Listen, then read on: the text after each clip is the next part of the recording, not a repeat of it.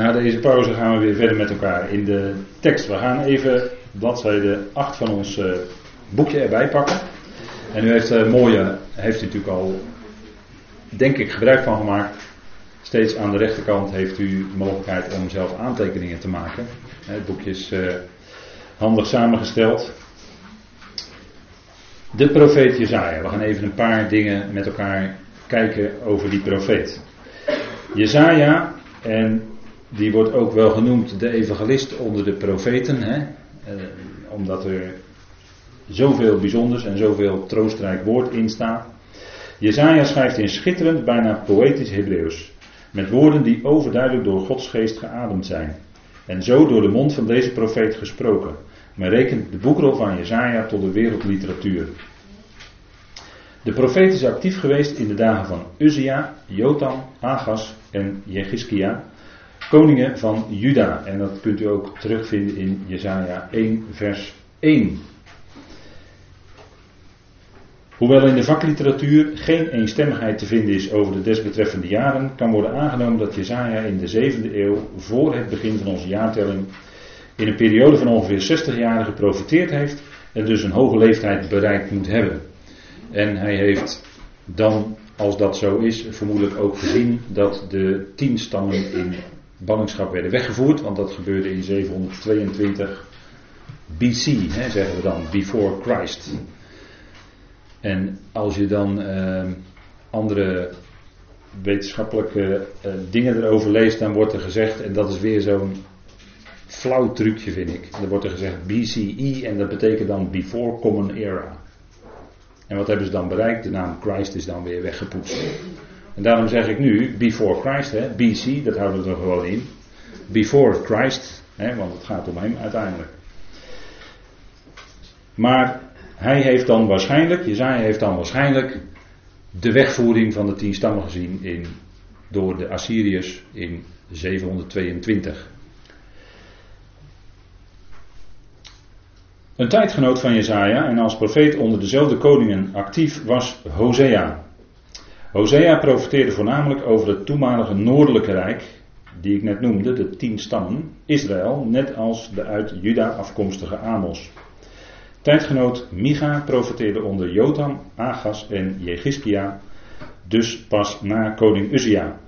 Zoals hij, zowel hij als Jezaja keerden zich tegen de verrotting binnen het volk Israël en voorzegden de onvermijdelijke ondergang die wij nu kennen als de Babylonische ballingschap. En die verrotting vond zijn oorzaak in het niet langer, erkennen als God als de enige Elohim, maar ze hadden een hele serie andere Elohim ernaast.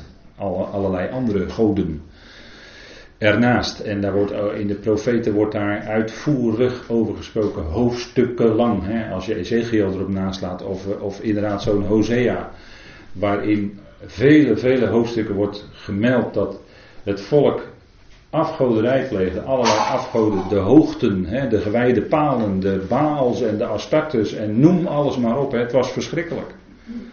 Constant het eerste, hè, het hoogste van Exodus 20 overtredend. Jullie zullen, ik ben de Heer, jullie God, jullie zullen naast mij geen andere goden hebben. Jullie zullen geen andere goden hebben voor mijn aangezicht. En wat hebben ze gedaan? Massaal andere goden voor zijn aangezicht. En dat leidde uiteindelijk tot ballingschap, want als ja, dat, dat land, hè, dat, dat, dat is eigenlijk het huis waarin ze mochten verblijven. Hè, het land, dat was door God aan hen gegeven. En als ze dat land dan bevuilen met allerlei afgoderijen, dan zegt de Heer op een gegeven moment: eruit, eruit. De zaak moet schoongeveegd worden. Jullie dienen mij niet, maar jullie dienen andere goden. En dan is het ballingschap. uiteindelijk, ja, God laat niet met zich spotten. Het kan niet uh, oneindig lang doorgaan, zoiets. En, en dat is wat.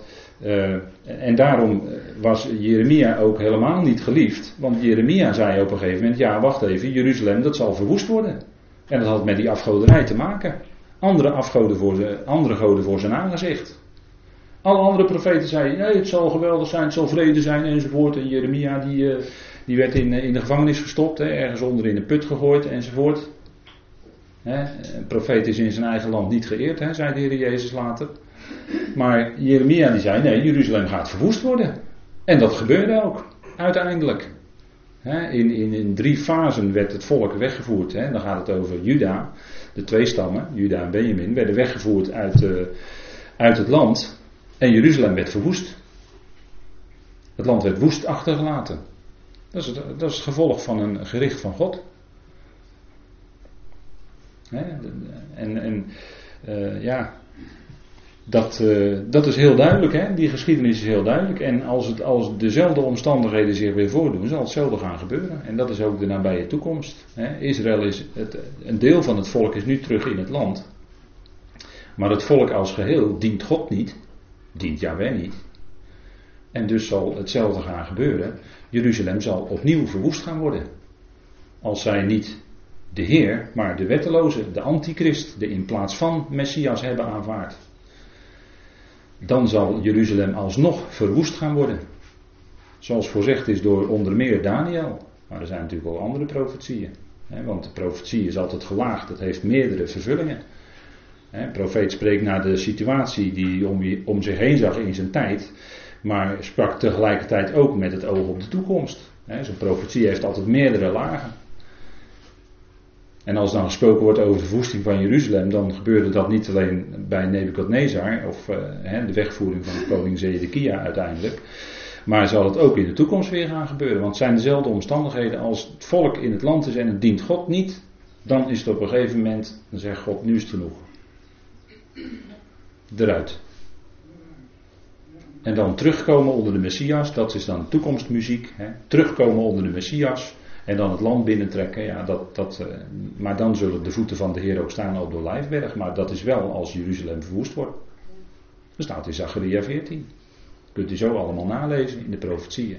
En, en daarna zal het ook weer herbouwd worden. Dat is dan de belofte, dat is dan de troost. En die klinkt ook hierdoor. dat Kores, een woord. En er komt een woord in verband met Kores. En dan zullen zij Jeruzalem en de tempel mogen gaan herbouwen. En dat zal ook in, in de toekomst weer gaan gebeuren met volk. Dan zullen ze het land weer binnentrekken. Dan zal Jeruzalem weer opgebouwd gaan worden. Dus precies dezelfde omstandigheden. De geschiedenis herhaalt zich. En ook in de toekomst heeft het te maken met Babylon. Want we weten dat Babylon ook de hoofdstad is van het laatste wereldrijk, het laatste antichristelijke wereldrijk, is opnieuw Babylon de hoofdstad. Zelfde omstandigheden. En dat, ook dat rijk zal ten onder gaan. En de Messias zal komen, Jezus, en zal zijn volk terugbrengen in het land. En dan zal Jeruzalem weer herbouwd gaan worden. En dan zal die geweldige tempel van Ezekiel 40 tot 48 ook gebouwd gaan worden. De geschiedenis eh, herhaalt zich dan in zekere zin. Alleen zal dat een tempel zijn, ja, zoals die nog nooit gezien was. want dat is een bouwwerk, nou dat is magnifiek hoor. Ezekiel, als je dat allemaal leest, dat is onvoorstelbaar. Dat is veel en veel groter dan ooit geweest is. Maar het is allemaal nog toekomstmuziek, maar het gaat wel gebeuren. God heeft het beloofd. En wat we nu zien is nog. ik, ik, ben er zelf een paar keer ook geweest in Israël, in Jeruzalem. En dan zie je dat volk als geheel, daar zit geen geest in. Daar zit nog geen geest in. Maar de Heer zal in de toekomst zijn geest in dat volk gaan geven onder het nieuwe verbond. Dat zal hij gaan geven. Heeft Ezekiel geprofiteerd dat dode lichaam dat zal herleven, die geest zal erin komen. Dat zag Ezekiel. in die, die, die hoofdstukken voor hoofdstuk 40. dat nieuwe verbond dat zal komen. En het zijn allemaal beloften die God gegeven heeft, die zal die waarmaken. Het is dabar, het is niet alleen een woord, maar tegelijkertijd ook een daad. Alleen die daad die kan zich uitwerken in de toekomst. Daar kan tijd overheen gaan, maar voor God speelt, speelt dat helemaal geen rol. Dat, dat is wat Jezaja profeteerde. Dat had te maken met die Babylonische ballingschap. En dezelfde omstandigheden krijg je ook dezelfde dingen. In de vakliteratuur, nou komt even wat, uh, wat uh, ja, zoals dat dan gaat. Hè. In de vakliteratuur doet sinds de 18e eeuw, dat is uh, in, de, in de periode nasleep, periode verlichting enzovoort. Hè. De opvatting de ronde dat onder de naam Jezaja tenminste drie profeten hun bijdrage aan deze boekrol geleverd zouden hebben. Hoofdstuk 1 tot 39 zouden van Jezaja zelf afkomstig zijn. Maar, zegt men, omdat dan andere woorden worden gebruikt of wat voor uh, theorieën men dan daar ook maar over heeft, 1 tot 39 zouden van Jezaja zelf afkomstig zijn geschreven voor de Babylonische ballingschap, maar de hoofdstukken 40 tot 55 van een zogenaamde Deutero-Jezaja, dus een tweede Jezaja. En men spreekt dan zelfs ook nog van een Trito-Jezaja. Nou, het is allemaal heel, ik vind het allemaal heel vermoeiend hoor. Van, dus dan zou het misschien wel door drie of misschien soms zelfs wel door vier profeten geschreven zijn. Nou, Eigenlijk kun je dat heel eenvoudig kun je dat weerleggen. Omdat zowel uit het eerste deel van Jezaja als uit het tweede deel van Jezaja wordt geciteerd in de Griekse schrift. En er wordt bij, in beide gevallen van gezegd, dus zowel als het gaat om een citaat uit hoofdstuk 1 tot 39, als een citaat uit hoofdstuk 40 tot 66, wordt er in beide gevallen, bijvoorbeeld in Matthäus, ik noem maar wat, wordt er gezegd, zoals gesproken is door de profeet Jezaja. Nou, dan ben je gelijk van deze hele theorie af. En die kunnen we dan ook gelijk in de kliko doen. Hè?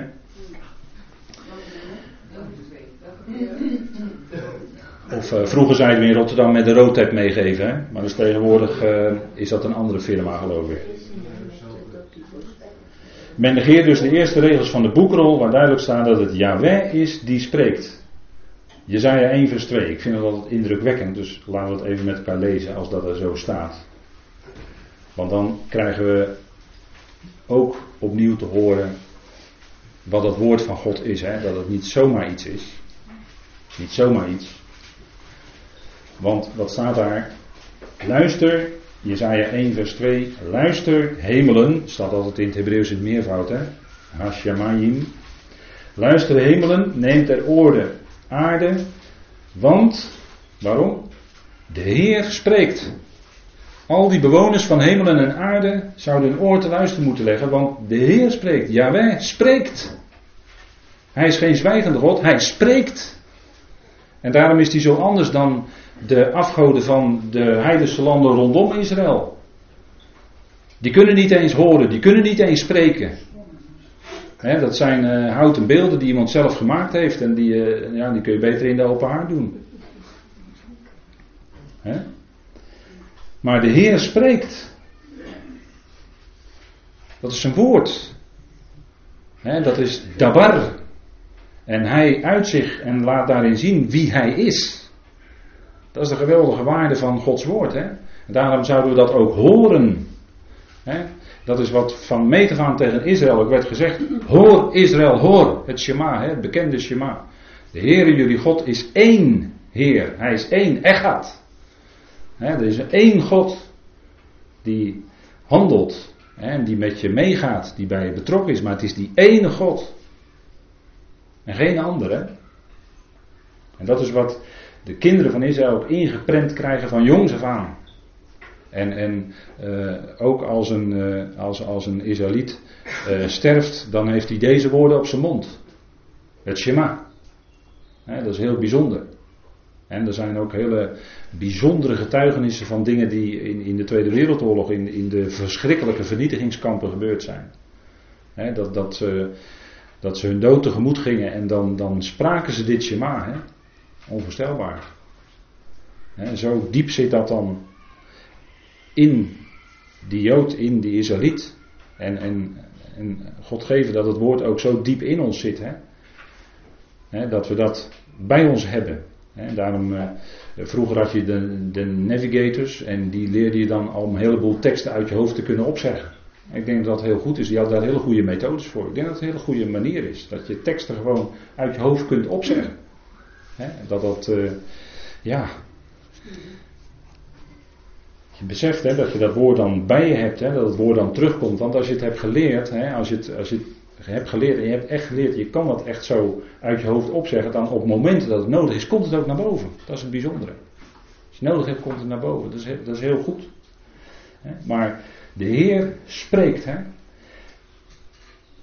Ik heb kinderen, zegt Isaiah, grootgebracht en doen opgroeien, maar ze zijn tegen mij in opstand gekomen. Het verdriet van Yahweh. En dat klonk ook in Jesaja 45. Hè?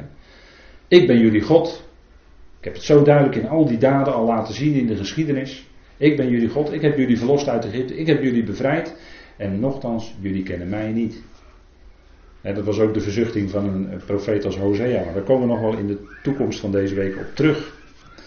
Maar die ene die gaat met je mee. Hij gaat met zijn volk mee. Want er zijn zoveel theologieën natuurlijk. De, de, de meest verschrikkelijke is de vervangingstheologie. Alsof de gemeente of de kerk in de plaats van Israël zou zijn gekomen. Nou, het is verschrikkelijk. En waar, wat daartoe heeft geleid in de geschiedenis. Het is, het is afschuwelijk gewoon. maar het is, het is gewoon zo overduidelijk als Paulus spreekt in Romeinen 11. Uh, het eerste vers, dan zegt hij: God heeft zijn volk niet verstoten. God heeft zijn volk niet verstoten. Israël is en blijft altijd zijn oogappel. God heeft zijn volk niet verstoten. Kom nou toch. Hoe wagen we het om Israël af te serveren als volk van God? Hoe wagen we het? Hoe durven we het? Tegen al die uitspraken, die duidelijke uitspraken van God in. Het is zijn volk, het is zijn oogappel en hij zal tot, ook met hen tot zijn doel komen. En natuurlijk weten we dat er een diabolos zit die alles door elkaar probeert te gooien, hè, de dooreenwerpen. En die probeert juist dingen van Gods woord door elkaar te gooien. En dat zouden we niet doen. Daar begon hij bij Eva al mee. Verwarring zaaien omtrent wat God gesproken had. Nou, dat zouden we niet doen. We zouden die lijnen van de schrift nauwkeurig vasthouden. En God heeft een duidelijke lijn met zijn volk Israël. En zal al die beloften die hij aan hen gegeven heeft, want die zijn onvoorwaardelijk, die zal die vervullen. Ondanks het afkerige gedrag. Hij noemde Israël bij tijden waarin de profeten afkerigheid. Ondanks dat afkerige gedrag, maar die beloften bleven staan. Gods liefde blijft onveranderd voor dat volk. Want God had niet dat volk uitgekozen, zegt hij toch in Deuteronomium, omdat ze zo goed waren, of omdat ze zo'n groot volk waren. Nee, omdat hij hen lief had. Dat was de reden. Daarom had hij ze uitgekozen. En dat, is, dat geldt ook voor u en voor mij, hè? als het gaat om dat hele moeilijke onderwerp van uitverkiezing. God heeft je lief, daarom heeft hij jou uitgekozen. Maar altijd met een doel, om anderen te kunnen bereiken. Om uiteindelijk iedereen te kunnen bereiken. Want iedereen past in dat ruime hart van God. Hè? Dat hart van God is liefde. En hij bereikt iedereen, daar past iedereen in. Ook al is het nog zo'n groot enfant terrible, zo'n uh, verschrikkelijk kind. Hè? Een van je kinderen kan een enfant terrible zijn. Dat kan. Of misschien wel meerdere zelfs. Kun je het verschrikkelijk moeilijk mee hebben. Nou, zo ook ten opzichte van God. Hè. Ik krijg, ik krijg voldoende reacties nu. Ja. Maar dat kan, hè? maar zo kunnen, zo, zo kunnen volkeren tegen God zijn. Zo kunnen wij ook in ons leven tegen God geweest zijn. Maar God heeft ons op een gegeven moment gepakt. En hij heeft gezegd van hier, ga maar horen naar mijn woord. Ik geef jou mijn woord. Ik geef mijn geest in jou. Wat denken van Saulus? Dat was een enfant terrible hoor. Dat was een uh, mannetje wat tekeer ging hoor. Tegen de gemeente van God notenbenen. Hij sleepte ze uit de huizen. Hij blies moord en dreiging. Wat denk je ervan? Dat was er eentje hoor. En dat is nou het toonbeeld van Gods genade in deze tijd. God ontmoet hem op weg naar Damascus en keert hem zo om en zet hem in zijn dienst. Dat is nou genade van God. Dat is nou liefde van God. En je naaste, hè? Want we, we zijn mensen en dat is altijd in verbinding met anderen. Je naaste, dat is degene die God naast jou zet in jouw leven. Oeh, wat kun je daar moeilijk mee hebben, zeg. Met sommige naasten die je tegenkomt in je leven. Och, och, och. En dan is het altijd de vraag van, ja maar vader, wat wilt u mij nou daardoor leren? Ik heb het zo moeilijk met die ander, of met die anderen. Ik heb het daar zo moeilijk mee. Nou, het kan best zijn dat vader je daar, jou daardoor iets leert. Dat kan best. En dan kun je tranen van hebben als niemand het ziet. Maar God ziet ze wel. Die tranen, God ziet ze, God kent ze. De, de, de profeet zegt iets over uh, Rachel, hè? Rachel in tranen. Zullen we het even met elkaar opzoeken? Jeremia 31. Misschien voor u niet zo heel bekend. Maar ik denk toch een bijzonder woord.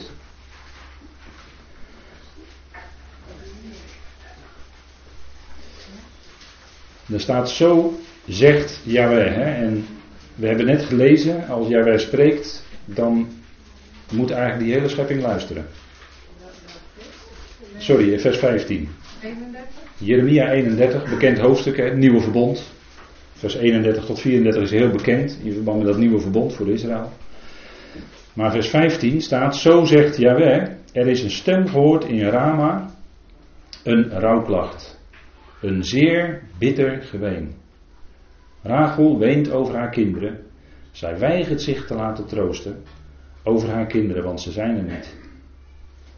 Zo zegt de Heer: Bedwing uw stem van geween en uw ogen van tranen, want er is loon voor uw werk, spreekt de Heer. Zij zullen uit het land van de vijand terugkomen. Belofte van terugkeer uit de ballingschap. Hè? De belofte van, dit is de troost.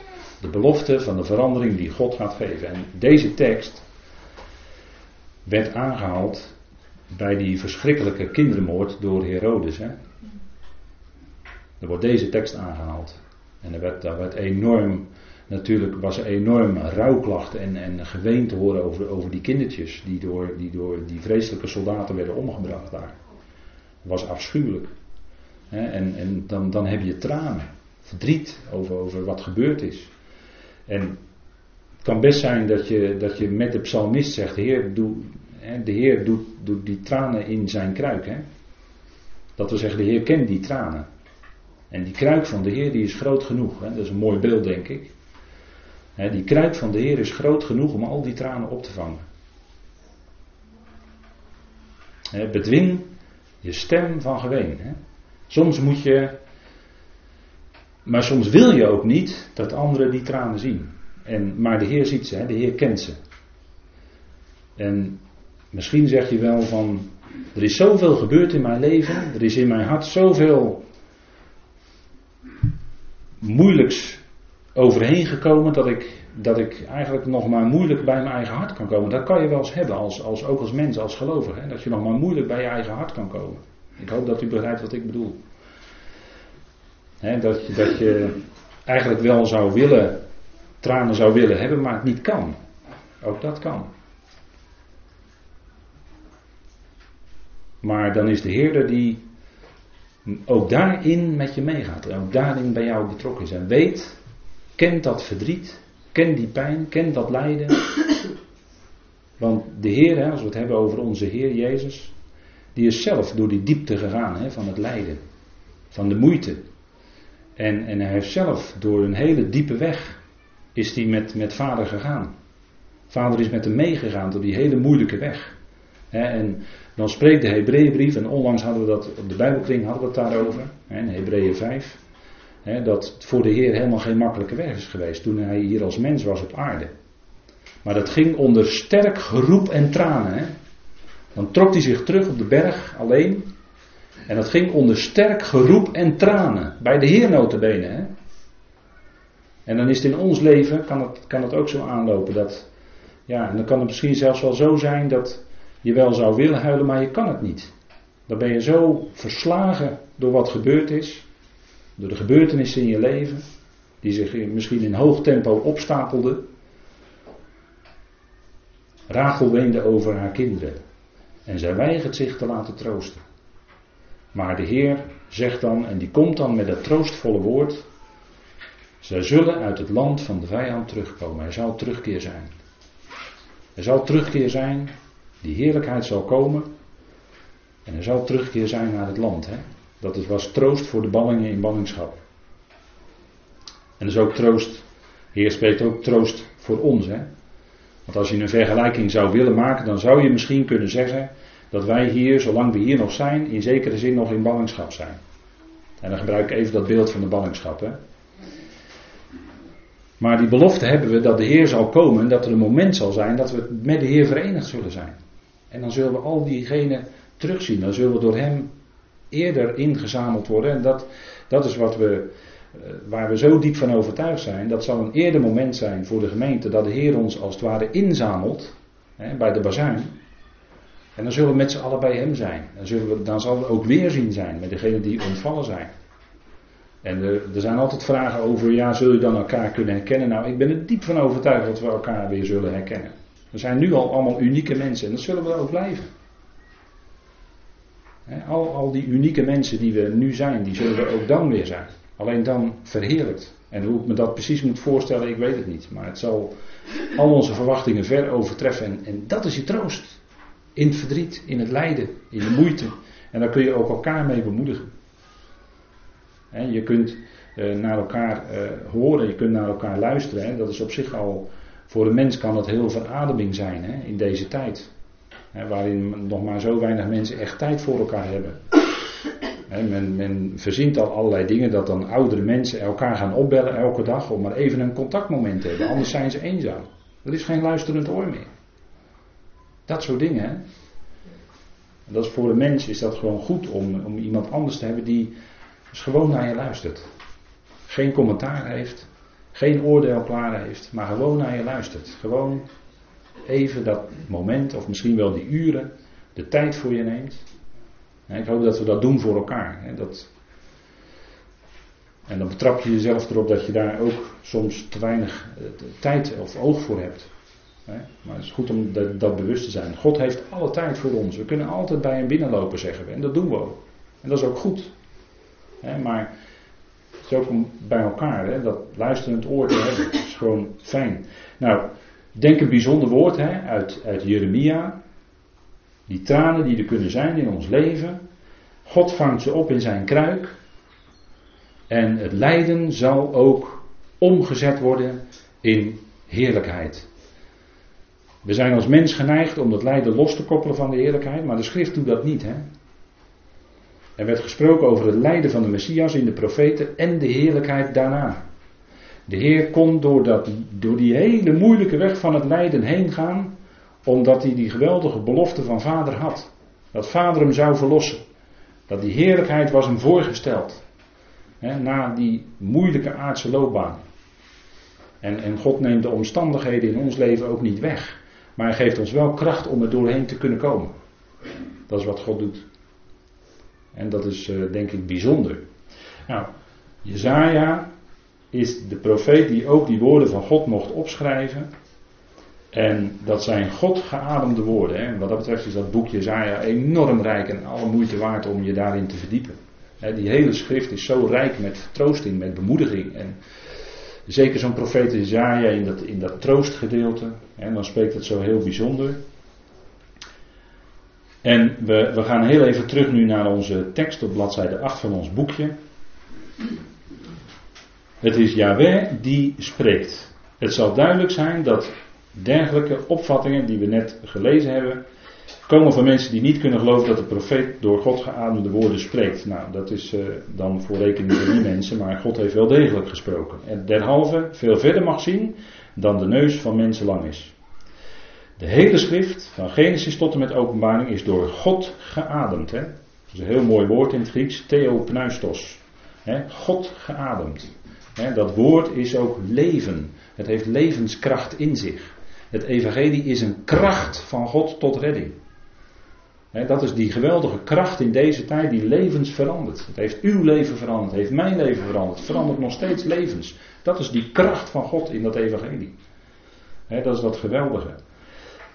Paulus stelt nadruk, Petrus stelt nadrukkelijk, want niet door de wil van een mens werd ooit profetie gedragen, maar door Heilige Geest gedragen. Spraken Gods heilige mensen. Nou, Paulus getuigt ervan, Petrus getuigt ervan, en zo is het ook.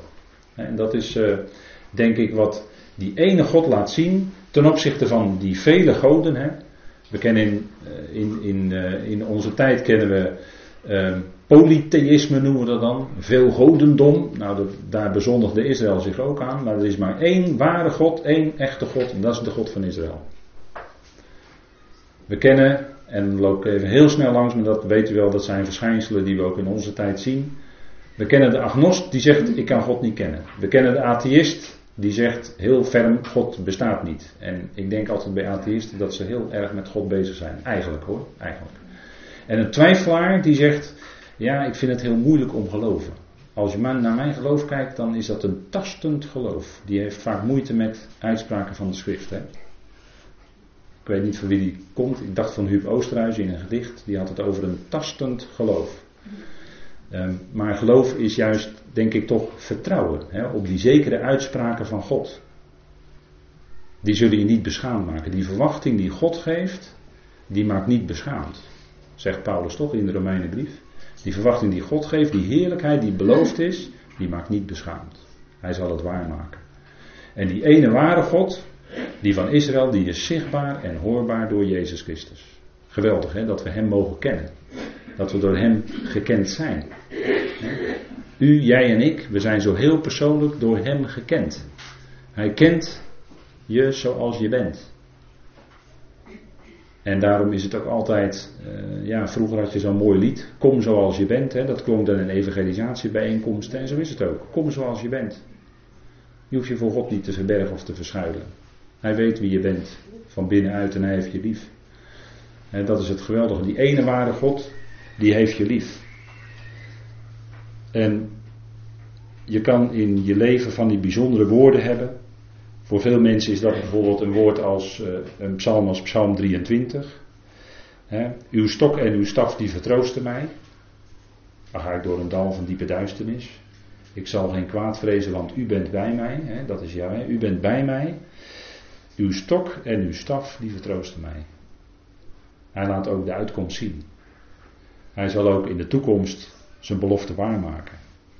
Troost, we mogen bij Hem troost vinden. En antwoorden vinden op vragen waar we misschien nu mee zitten en waar we misschien nog steeds niet uitkomen. Dat kan. Dat kan. Je kunt met vragen zitten waar je nu niet uitkomt. Dat kan. En misschien is dat ook heel moeilijk en misschien krijg je daar in je leven geen antwoord op. Maar één ding is zeker. Daar zal antwoord op komen. Dat, dat is wel gegarandeerd. Daar zal wel antwoord op komen. Waartoe was het Heer in mijn leven? Waartoe was dat? Maar daar komt antwoord op. En we zullen dan dat zullen kunnen zien in een beter perspectief dan dat we nu kunnen kijken. We zijn nu maar zo beperkt. Hè? De, de schrijver van het artikel of van het boekje die zei ook van wij kijken vaak niet verder dan onze neus lang is. Dat komt omdat wij als mensen maar zo beperkt zijn en ons blikveld maar zo kort is. Maar God kijkt veel verder. Die overziet het geheel hè, van ons leven. Die overziet dat gehele plan. En komt uiteindelijk ook met ons tot zijn doel. Met uiteindelijk ieder. En dat is, daarin zit al een stuk antwoord. Hè. Hij komt uiteindelijk met ieder tot zijn doel. En, en de vragen waar we mee zitten. Waartoe was het Heer in mijn leven? Daar zal zeker een antwoord op komen. Hij gaat mee. Hè, Yahweh. Dat is ons jaarthema. Is de enige God. En hoe geweldig kunnen we dat nu zien in het perspectief wat later gebeurd is, na Jezaja. De beloften zijn waargemaakt. Jezus Christus is gekomen. Hij heeft dat gedaan wat nodig was. En daarom kunnen we nu leven door die kracht van het evangelie. En voor ons is dat heel speciaal ook. De brieven van Paulus natuurlijk, heel speciaal. Want daarin gaat het in de volle diepte bekend worden. dat geweldige plan van God. En we mogen ook zien waar het toe leidt. En ik denk dat dat toch bijzondere dingen zijn die we zo kunnen meenemen met elkaar. En ik wil het hierbij laten. Voor vandaag zullen we de Heer danken voor de woorden die jij geeft. Vader, we danken u dat we zo met elkaar een kort moment hier stil konden staan bij uw, het jaarthema wat u in ons midden heeft gegeven. U bent die ene ware God. U maakt uw woorden waar. U bent betrouwbaar. We kunnen op u aan in ons leven. Vader, ook al gaat het soms, ook al stormt het soms zo hard in ons leven. U bent nabij. En u spreekt dat rustgevende, dat troostvolle woord, waardoor we weer verder kunnen, bemoedigd. Vader, dank u wel dat we zo hier gezamenlijk mee bezig kunnen zijn. En dat we hier op deze plaats ook elkaar in een wat rustiger setting dan het dagelijks leven kunnen ontmoeten wat meer tijd hebben. Dus wat met elkaar kunnen spreken over de dingen die ons bezighouden. De dingen van u. Vader, dank u wel dat u deze momenten geeft. Toch bijzonder. Vader, zo dank u dat we ons oor elke keer weer te luisteren kunnen leggen bij wat u zegt. Dat is toch heel wezenlijk voor ons leven. Vader, we danken u dat u trouw bent. Dat u niet loslaat wat uw hand begon. En dat u het werk wat u bent begonnen ook in ons persoonlijk leven zal voltooien. U zal het afmaken. Vader, dank u wel dat we naar u mogen opzien. Vader, beseffend uw kracht in onze zwakheid. Dank u wel dat u dat geeft. Vader, zo dank u voor uw rijke woorden van bemoediging, van troost. Vader, dank u wel dat u met ons meegaat. Ook het verdere van deze dag. We u daarvoor voor wat u nog gaat geven. En ook in de komende week. Vader, mogen we daarin die bijzondere genade en zegen van u ervaren. We u daarvoor in die machtige naam van uw geliefde Zoon, onze Heer, Christus Jezus. Amen.